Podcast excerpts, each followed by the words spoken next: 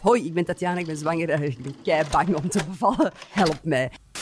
We zijn alweer aangekomen in het vijfde en laatste deel van Tussen Was en Plas, de podcast van Parentia, waarin we met een bekende ouder en een expert praten over het leven als ouder. Deze podcast is opgedeeld in vijf delen rond vijf herkenbare onderwerpen. Je kunt elke aflevering afzonderlijk beluisteren als een zenmoment tussen de was en de plas.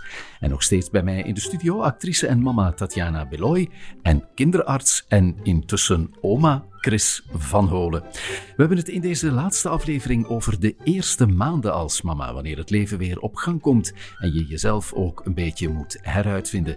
Ja, Tatjana, hoe bevalt het om mama te zijn? Ja, ik vind het fantastisch. Ik vind dat echt, dat is misschien een cliché, maar het mooiste wat mij is overkomen. Ik vind het een verrijking in mijn leven. Er zit iets, ja, ik vind het fantastisch. Hoe snel ben je weer aan de slag gegaan? Uh, ja, redelijk snel, omdat ik in de zomer organiseer ik zomerkampen voor kinderen. Ik ben eind mei bevallen en in de zomer begon dat terug. Er staat een heel team op, maar ik wou daar toch aanwezig zijn. En waarom, waarom wou je er zijn? Omdat dat ook een soort van babyken is van mij. Dat, dat zijn 150 kinderen per week die komen, een heel team, allemaal mensen die langskomen. En um, hoe fantastisch iedereen dat doet. Ik heb daar toch het, de, de leiding over en ik manage dat toch. En ik wil dat alles ook perfect is. En we werken daar telkens een jaar naartoe. En ik heb mijn baby meegenomen. Ik had het geluk om geen huilbaby te hebben, om met die rustig sliep. Want soms vroegen mensen, is hem erbij? Ik zeg, ja, ja, hij slaapt hier en ik kan voeden. Um, maar ik heb het wel op mijn eigen tempo gedaan. Want in het begin was ik daar ook om half acht s morgens. Ik gewassen, hij gewassen, eten. En ik dacht, nee. Dat, dat, ik kwam daar dan aan dacht, ja, alles loopt goed. Hè? En dacht ik, waarom ben ik hier zo snel? Dus ik heb dat losgelaten, meer op mijn eigen ritme. En dan eigenlijk na een paar maanden heb ik het rustiger aangedaan. En echt gewoon gedacht rustig, maar ik ben wel zelfstandige. En uh, dus ik, ik, blijf werken en ik werk ook heel graag. En ik heb dat eigenlijk ook wel nodig, want ik ben heel graag mama en ik, ik, doe het heel graag op mijn eigen ritme. Maar ik vind dat ook heel leuk om, zoals vandaag, hier ook te zitten en mij te laten inspireren en te omringen met, met, met creatieve mensen. Dat de hele dag door. Ja, ja, ja, ja, ja. Is dat herkenbaar, Chris? Het feit van mama zijn, maar toch nood hebben om ja, toch vrij snel weer andere activiteiten te hebben? Ik denk dat dat uh, des mensen is en uh, je hebt dat heel mooi, mooi opgelost. Het is het werk ervatten, maar toch je baby uh, meenemen. dus dat is niet echt werken in, in de strikte zin van, van het woord. Nee, dat wou ik ook echt. Ik, ik had bijvoorbeeld ook opnames voor iets en dan heb ik een babysit genomen, de, babysit, um, de baby meegenomen, mhm. een loge apart gevraagd, allemaal speelgoedjes mee, verzorgingstafel, echt de dag op voorhand gaan klaarzitten. Ik dacht, ik werk in die studio, de baby zit daar. Ik kan tussendoor voeden, want ik wou absoluut uh, niet stoppen met voeden. Maar eigenlijk was ik dan en aan het werken en er was een babysit en ik kon mijn baby de dag doorzien. En ik dacht, dat is anders en dat gebeurt misschien niet veel, maar voor mij werkt dat wel. Mhm. Ja, Chris, wat is de beste manier om de draad weer op te pikken? Uh, ja, ik, ik denk dat de, de, moederschapsrust zoals die nu in, in België bestaat, uh, drie, drie maanden of vijftien weken, dat dat niet zonder, zonder reden is, uh, omdat dat zijn voor mensen die vast in dienst zijn. Dat zijn voor mensen die als, als bediende werken, maar, maar die dan ook niet de mogelijkheid hebben om hun baby mee te, te nemen. Hè. De, de, de rationale daar, daarachter is toch uh, om de borstvoeding weer al succesvoller te maken. Plus ook uh, de meeste baby's hebben ten vroegste een, een dag-nachtritme uh, rond drie maanden. Uh, en en uh, als je nog nacht na nacht op moet en dan het werk moet, moet ervatten, is dat best wel een zware opgave. Absoluut, ja, ja. En rond drie, drie maanden begint er toch bij, bij heel wat kinderen wat ritme in te komen en is, is het wat gemakkelijker. Uh, Hangt het daar misschien nog het meeste vanaf, van het, het, feit of de baby al dan niet een ritme vindt om dat te faciliteren, die terugkeer naar het werk, naar een sociaal leven? Persoonlijk vind ik dat dat toch een, eh, een, eh, grote slok op de borrel is. Uh, ik vind drie maanden heel jong. Ik dacht, ja, als ik nu is... kijk naar drie maanden, ik dacht dat ik die nu moet afgeven. Ik dacht, no way dat, dat ik die doe. Ik spreek ook met andere ouders die zoiets mhm. hebben. Ik was heel blij om na drie maanden terug in mijn auto naar het werk te zitten. Dus sommigen hebben zoiets, oh, ik kon hem gaan droppen bij de crash. Maar ik, had, ik, ik, ik weet op drie maanden dat ik dacht, hoe kan je nu een babytje afgeven? Maar dat is mijn gevoel natuurlijk. Hè? Nee, maar dat, dat, daar zit toch ook iets uh, natuurlijk achter. Uh, je, je bouwt langzaam een band op. En uh, zoals je zegt, voeding, vraag en aanbod. En zo leer je elkaar kennen en, en mekaars ritme ja. kennen en respecteren. En, en drie maanden is inderdaad vroeg. Zeker als we mikken op, op borstvoeding, zou zes maanden idealer zijn voor, voor mensen die in, in een. ja, vaste structuur werken. Ja, ja, ja. Ja, Chris, want wat jij in jouw boeken ook hebt benadrukt, eigenlijk draait het eerste jaar, de eerste twaalf maanden, echt om, om die band die ontstaat tussen de baby en de mama. Hè? Absoluut, absoluut. Dat is heel cruciaal voor, voor de ontwikkeling. En, en eh, een goede band uh, maakt u ook tot een. Uh, stabielere persoon op, op uh, psychisch. Uh, en dat wordt dat eerste levensjaar bepaald? Voor een groot deel toch, ja. Echt? Ja. ja. Uh, heb, jij tips voor, heb jij tips voor mama's om, om dat te faciliteren? Ik denk dat uh, Tatjana het voorbeeld is uh, oh. van, van, van een mooie uh, ja, paardans. Zo, als je zegt, mijn baby heeft honger, ik voed hem. dat, men, merkt dat, dat kinderen die niet in een stramien gedwongen worden, van nu zult je doorslapen en nu blijft je maar even wenen. En zo die vrees van, ik, ik, ik ben hem aan het verwennen, dat is echt onterecht. Uh, men ziet dat kinderen die, die, die heel goed in samenspel met hun mama of papa en papa geweest zijn, dat die als, als kleuter minder woede-uitbarstingen hebben en later stabieler volwassen zijn. Ik hoop het. Chris komt terug als een woede-uitbarstingen heeft. en, en ook zo angststromen, nachtmerries ziet men meer bij kinderen die men ver, waar men de uh, zogenaamde cry-it-out-methode heeft toegepast. Van uh, nu ga ik hem eens tien minuten laten wenen en dan gaan zien en troosten. Uh, ik, ja, ik ehm, ben daar geen voorstander van. Ik ben heel blij dat je dat zegt, want ik weet dat ik op een gegeven moment een boek had gelezen over slaaptrainingen en zelfstandig in slaap. En ik dacht, die hangt nu zeven, acht maanden aan de borst. En ineens lees ik van, oké, ga de kamer uit, tien minuten, nee, stap twee meter achteruit, sluit de deur, wacht een half uur. Ik heb dan een avond geprobeerd, ik aan het huilen, de baby aan het huilen, mijn man helemaal overstuur, omdat ik zo overstuur was. En ik dacht, hoe zou ik zelf zijn? Ik vind dat ook leuker als mijn man naast mij slaapt. Dus eh, ik snap dat een baby ook. Ineens leg ik die daar en ik dacht, dat werkt niet voor mij. Ik, wij hebben gewoon als koppel zoiets, we kunnen het niet forceren dat hem slaapt of eet. Dus als dat niet lukt, laten we dat even los. En dat is soms wel zwaar.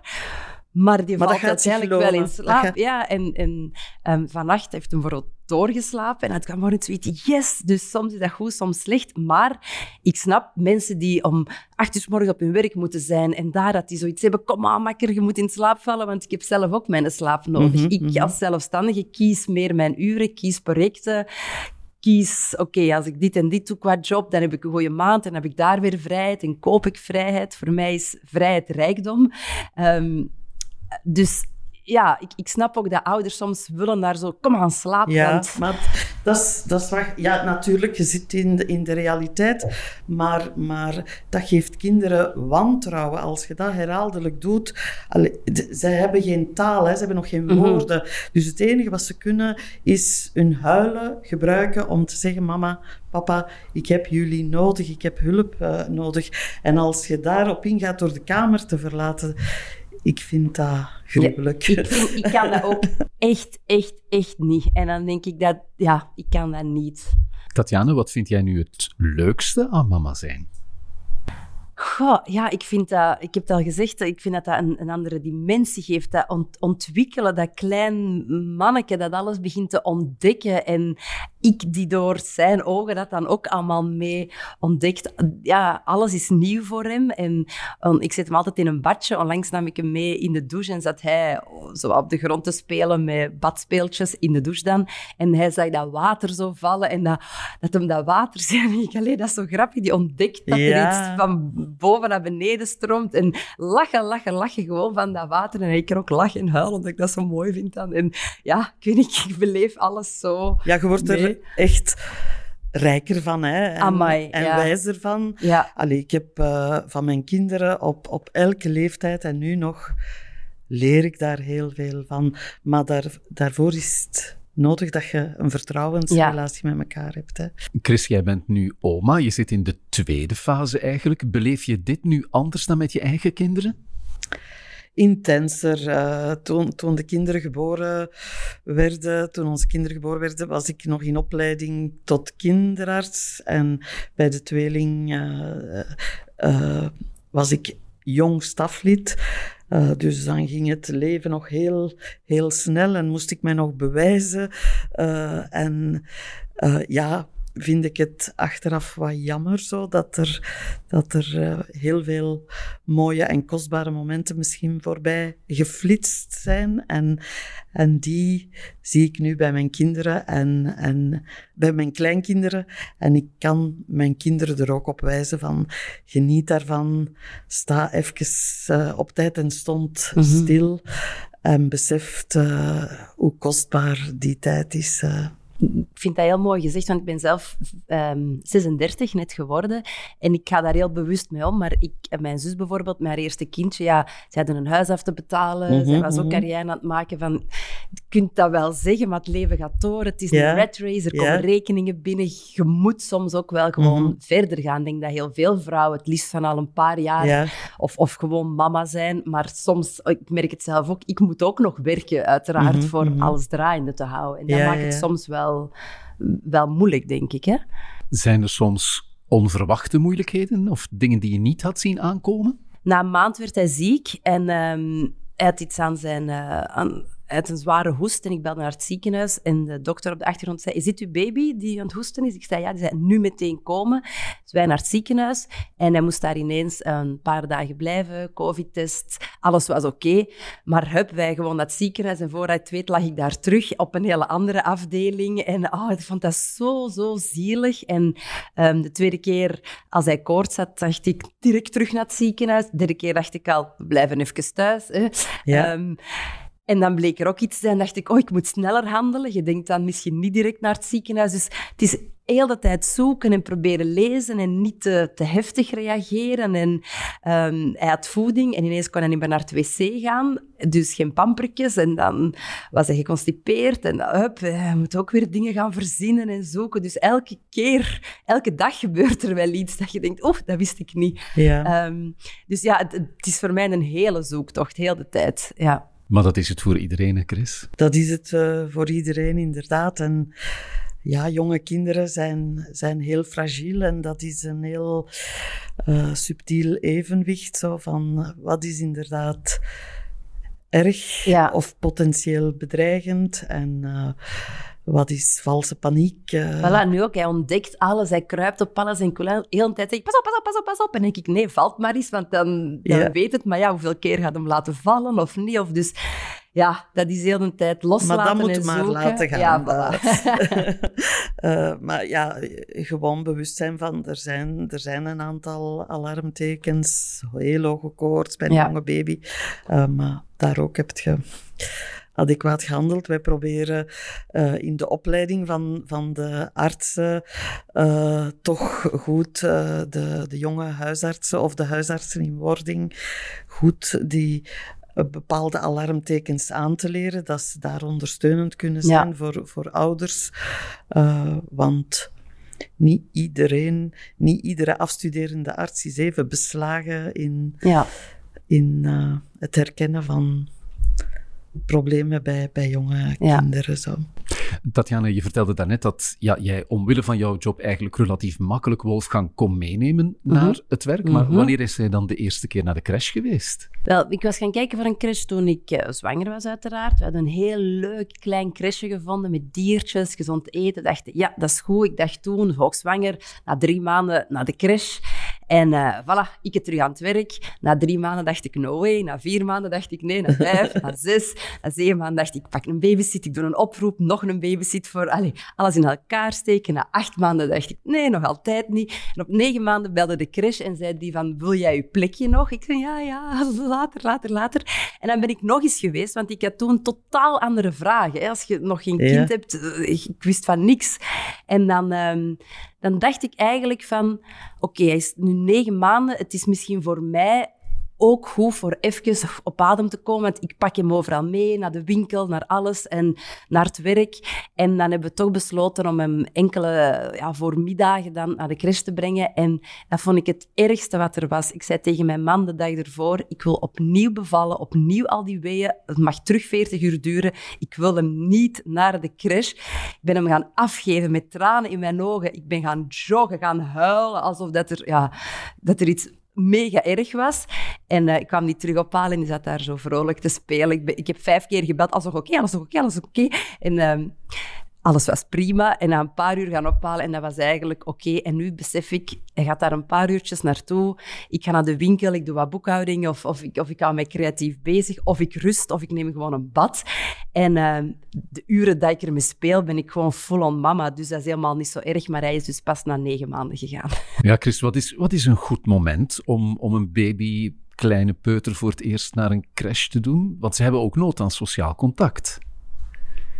Ja, maar dat kunnen, dat kunnen ze thuis ook mhm. eh, hebben. Hè, als het contact met de ouders uh, goed is, of met de zusjes, uh, broertjes. Mm ja, noodgedwongen is het, is het in, in Vlaanderen drie, drie maanden voor de meeste mensen. En dat voelt aan als heel jong.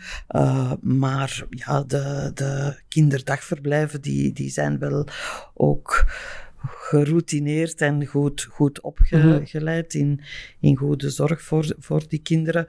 Uh, maar om nu te zeggen, uh, je moet dat doen, want anders zijn je kinderen verstoken aan sociaal contact. Uh, dat, in het eerste levensjaar is het kind toch nog heel op zichzelf. Mhm. Ja, want um, uh, Wolfie, ik overal mee naartoe nemen, dat vraagt ook wel. Want mhm. ik moet voor mezelf, of ik moet zelf presteren, ik moet zien dat hij oké is.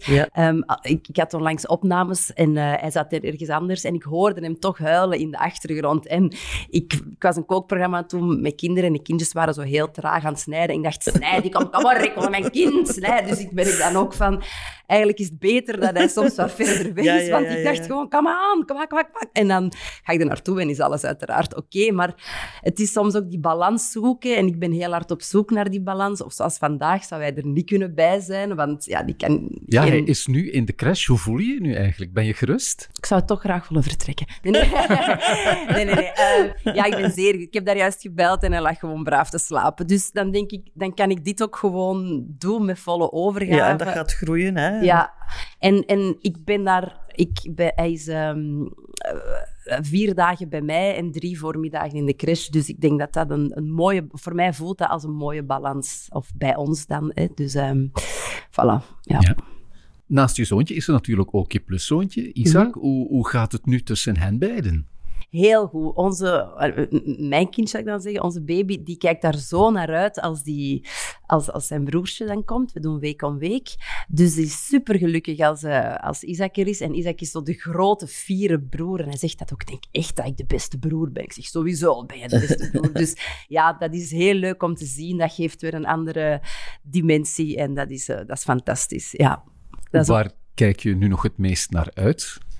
Oh, ik vind dat... Ik, ik, ik heb zin om met hem um, ja, zo dingen te gaan doen. Dan denk ik, ik wil naar een dierentuin, dat hij, dat hij de dieren gaat zien. Of, of uh, we zijn uh, onlangs eens naar het strand geweest. En ja, dat hij gewoon de dingen kan zand ontdekken voelen. en het zand. En ja, zo... Yeah. Gewoon het, dus de, eigenlijk simpele dingen met hem. Het feit dat hij mee kan eten, aan tafel kan zitten. En dat is, dat is leuk. De, de, eigenlijk de simpele momenten. Ja. Verwondering van Die een verwondering, kind vind ik, ja. uh, vind ik echt zo aanstekelijk aanstekelijk. En, en ik heb zelf vier kinderen. Wauw, ja. En, en elke keer elk kind is, is zo anders. En, eh, en op den duur wordt dat een verslaving. Zo van, als we nu nog eentje zouden uh, zou die dan nog anders uh, ja, zijn? Ja, Tatjana. je bent zo enthousiast geweest nu over Wolfgang en hoe je het beleefd hebt. Rijpt er al een idee van ik wil nog een keer. Dat is nog te vroeg. Uh, het is, het, ik, ik zeg het, het is fantastisch hoe dat is. Wij zaten uh, een paar dagen geleden samen aan tafel met ons vier en, en Wolfie begon ja, ja, ja, ja, te spreken. En wij hadden echt een slappe lach met ons drie en de sfeer zat zo goed. En ik dacht, het zou zo leuk zijn moest die tafel nog vol kinderen zitten. Langs de andere kant weet ik dat ik heel graag werk, dat ik heel graag op reis ga, uh, dat ik ook heel graag tijd spendeer met mijn man. Um, en ik, dus het is, het is mooi hoe dat is. En soms droom ik er nog van en zeg ik, zou er nog eentje maken. En soms zeg ik, als we er nog eentje willen maken, eh, als, als ik dat gevoel terug heb, zeg nee, hè, want het is echt druk. Of, of ik wil alleen zijn met u nu. Dus het, is, het, het schommelt. Sommige dagen wel, sommige dagen niet. Maar het is fantastisch hoe dat nu is. Tatjana en Chris, het was heel fijn om jullie hier bij ons te hebben. We hebben veel bijgeleerd en we onthouden vooral dat mama of ouder zijn een heel verrijkende ervaring is. Ik vertel jullie graag nog dat Tussen Was en Plas mogelijk wordt gemaakt door kinderbijslagfonds Parentia. Bij hen kan je terecht voor een stipte uitbetaling van je startbedrag of kraamgeld en je groeipakket of kinderbijslag. Daarnaast helpen ze je graag met al je vragen over gezinsadministratie. Neem dus zeker een kijkje op parentia.be. Heel erg bedankt voor het luisteren en wie weet tot een volgende reeks met nieuwe gasten. Dag! Parentia. Vanaf het begin bij elk gezin.